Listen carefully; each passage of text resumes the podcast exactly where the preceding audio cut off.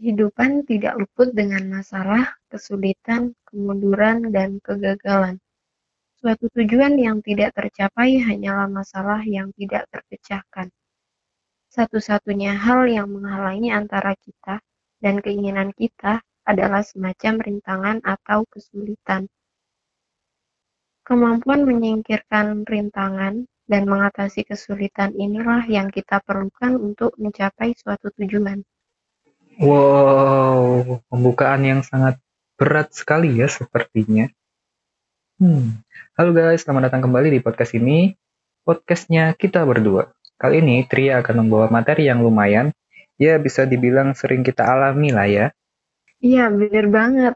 Jadi aku kali ini mau share ke teman-teman semua bagaimana cara menyelesaikan atau menghadapi masalah-masalah di kehidupan kita. Dan ternyata kegagalan itu bukan suatu hal yang negatif loh, malah bisa menjadi sebuah kesuksesan. Nah, penasaran kan? Dengerin terus sampai menit terakhir ya. Yuk lagu yuk.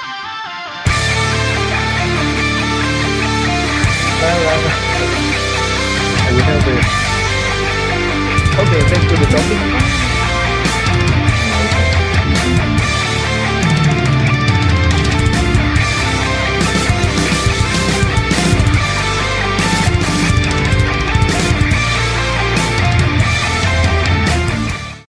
Oke, okay, back to the topic tentang cara menghadapi masalah.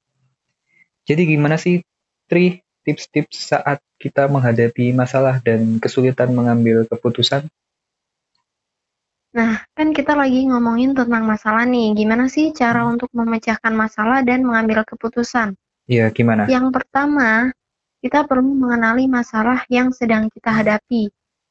Kita okay. mulai dengan bertanya pada diri kita sendiri persisnya masalah apa sih yang sedang kita hadapi saat ini?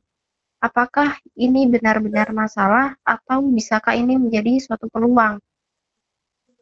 Lalu yang kedua, pikirkan langkah-langkah yang bisa segera kita ambil. Anggap setiap masalah atau kesulitan pasti ada jawaban atau solusinya, tinggal nunggu untuk ditemukan.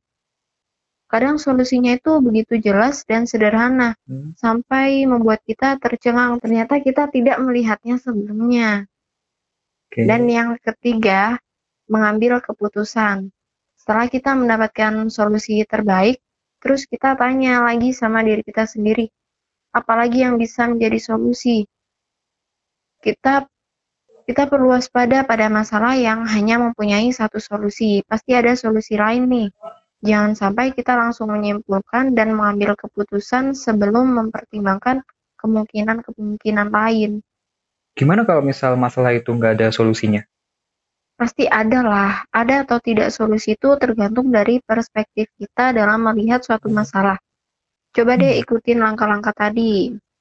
Hmm, oke deh. Ngomongin soal masalah dan kegagalan nih, Aku ada beberapa contoh kegagalan yang malah menjadi sebuah kesuksesan. Hah? Gimana tuh maksudnya?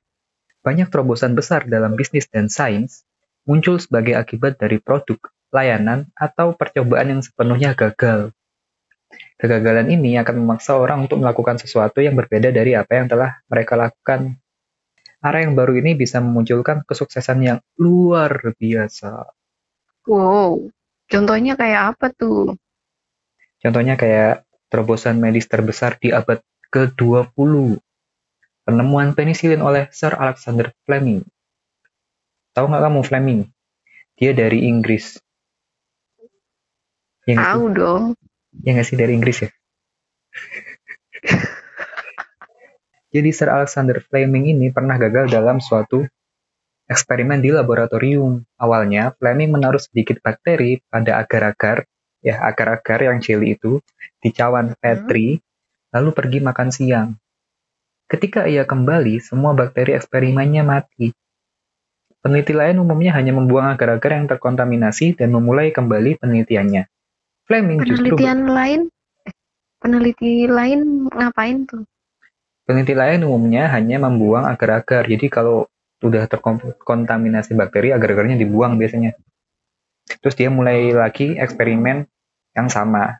Nah, si Fleming ini justru malah bertanya, zat apa yang begitu hebatnya mematikan bakteri dengan sangat cepat? Kok bisa sih bakterinya mati dengan cepat gitu? Nah, nah ternyata Oh. ada eksperimen lain di lab itu. Dia menemukan spora baru yang dibiarkan tidak tertutup. Memungkinkan spora itu terbang dan masuk ke cawan Petri milik Fleming. Akhirnya, spora ini dipisahkan dan dinamai penisilin atau antibiotik paling ampuh yang pernah Hmm. ditemukan. Sampai saat ini loh. Pada Perang Dunia II, penisilin ini menyelamatkan jutaan nyawa dari penyakit dan infeksi. Wah, keren juga ya si Fleming. Berkat penelitiannya yang dia kira awalnya gagal, dia bisa nyelamatin jutaan nyawa pas Perang Dunia Kedua. Iya dong. Kalau aku nyoba bikin churros lagi tapi gagal, terus pas nyoba lagi tetap gagal. Gak apa-apa, gak apa-apa. Sedih. Churrosmu kan jadi kue lain pas itu. Jadi cimol. Sama ini roti kayak nggak jadi gitu aneh. Tapi- jadi ini, apa, cakwe. Enggak juga. Hmm, jadi gitu ya guys, tips-tips menghadapi masalah. Dan jangan sedih karena sebuah kegagalan. Karena kegagalan bisa berarti sebuah kesuksesan dalam Hmm. hal yang lain. Bener banget. Dan sampai jumpa di episode selanjutnya. Bye. Bye. Kayak kita harus ganti lagu deh.